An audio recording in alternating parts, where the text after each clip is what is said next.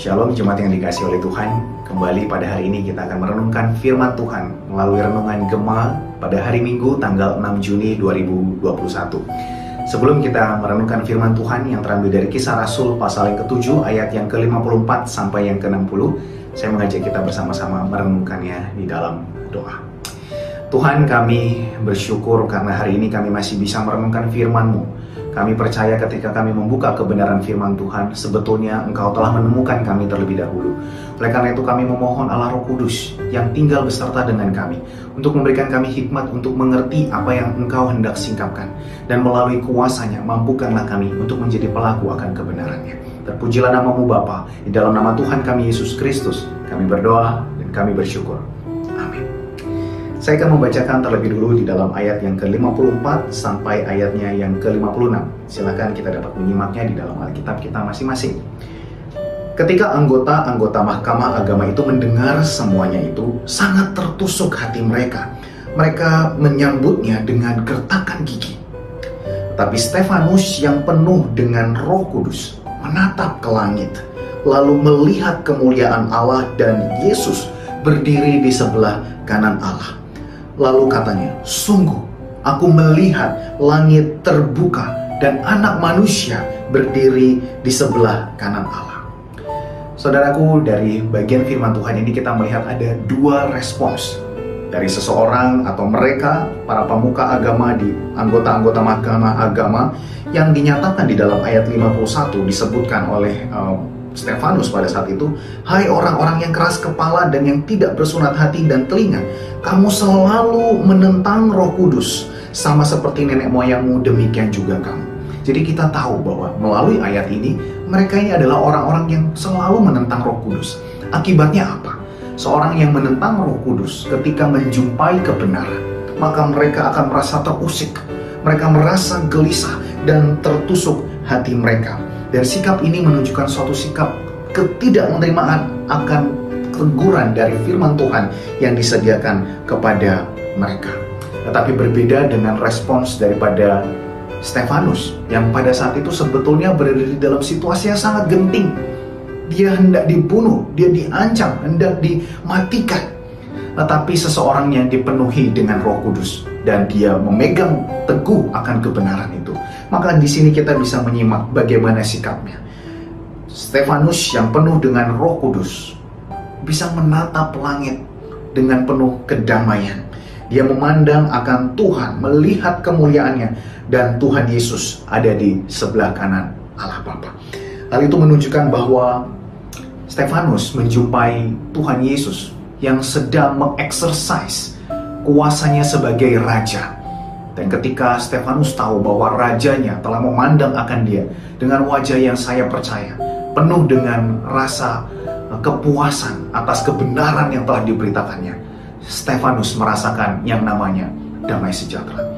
Kita melihat perbandingan respons yang lain di dalam ayat yang ke-57. Maka berteriak-teriaklah mereka dan sambil menutup telinga serentak menyerbu akan dia mereka menyeret dia keluar kota, melemparinya, dan saksi-saksi meletakkan jubah mereka di depan seorang uh, muda yang bernama uh, Saulus pada saat itu ya. Kemudian sedang mereka melempari Stefanus. Stefanus kemudian berdoa, katanya, Ya Tuhan Yesus, terimalah rohku. Sambil ia berlutut, ia berseru dengan suara yang nyaring, Tuhan, jangan tanggungkanlah dosa ini kepada mereka. Dan dengan perkataan itu meninggallah kemudian Stefanus. Maka saudara melalui perbandingan dua sikap ini juga menunjukkan kita akan satu hal. Mereka yang tidak dipenuhi dengan roh kudus. Mereka memiliki aksi yang sama. Mereka berseru-seru, mereka berteriak, tetapi untuk apa tujuannya? Untuk kemudian menyerang, untuk membunuh, menyerbu akan Stefanus. Tetapi seseorang yang dipenuhi dengan roh kudus, ketika serangan itu menerima mereka, ia pun juga kemudian berseru kepada Tuhan dengan suara yang keras. Tetapi dia melakukannya bukan untuk menyerbu, tetapi dengan berlutut ia ada di hadapan Tuhan dan menyerahkan akan nyawanya. Dan di dalam perkataan itu, ia bukan bermaksud untuk mematikan orangnya. Bahkan, ia meneladani apa yang Tuhan Yesus Kristus sendiri lakukan. Memohon akan pengampunan bagi musuh-musuh yang mengkhianati kebenaran itu. Maka saudaraku, apa yang mau menjadi respons kita hari ini? Ketika kebenaran disampaikan, maukah kita kemudian dengan terbuka menerima, mengizinkan kebenaran itu dikoreksi dalam pimpinan Roh Kudus, sehingga dengan lembut kita akan menyaksikan bagaimana Tuhan merenda kebenarannya menjadi suatu karya yang indah di dalam kehidupan kita. Kedua, apakah yang mau kita gunakan dengan seluruh keberadaan kita, dengan suara kita, dengan kedua tangan kita, dengan langkah kaki kita, dengan lutut kaki kita. Kita bisa melakukan tindakan yang sama, tetapi dengan tujuan yang berbeda. Seorang yang dipenuhi dengan kuasa Roh Kudus, dengan kebenaran menjadi andalan kehidupannya. Mereka adalah orang yang memiliki anugerah untuk bisa berjumpa dengan Tuhan, melihat kemuliaannya, dan menyandarkan kehidupannya dengan tenang meskipun dunia bergoncang, meskipun dunia kemudian berusaha untuk menghalang-halangi dan mematikannya. Apakah yang menjadi andalan Anda? Maukah kita hidup dipimpin oleh Roh Kudus? Mari kita berdoa.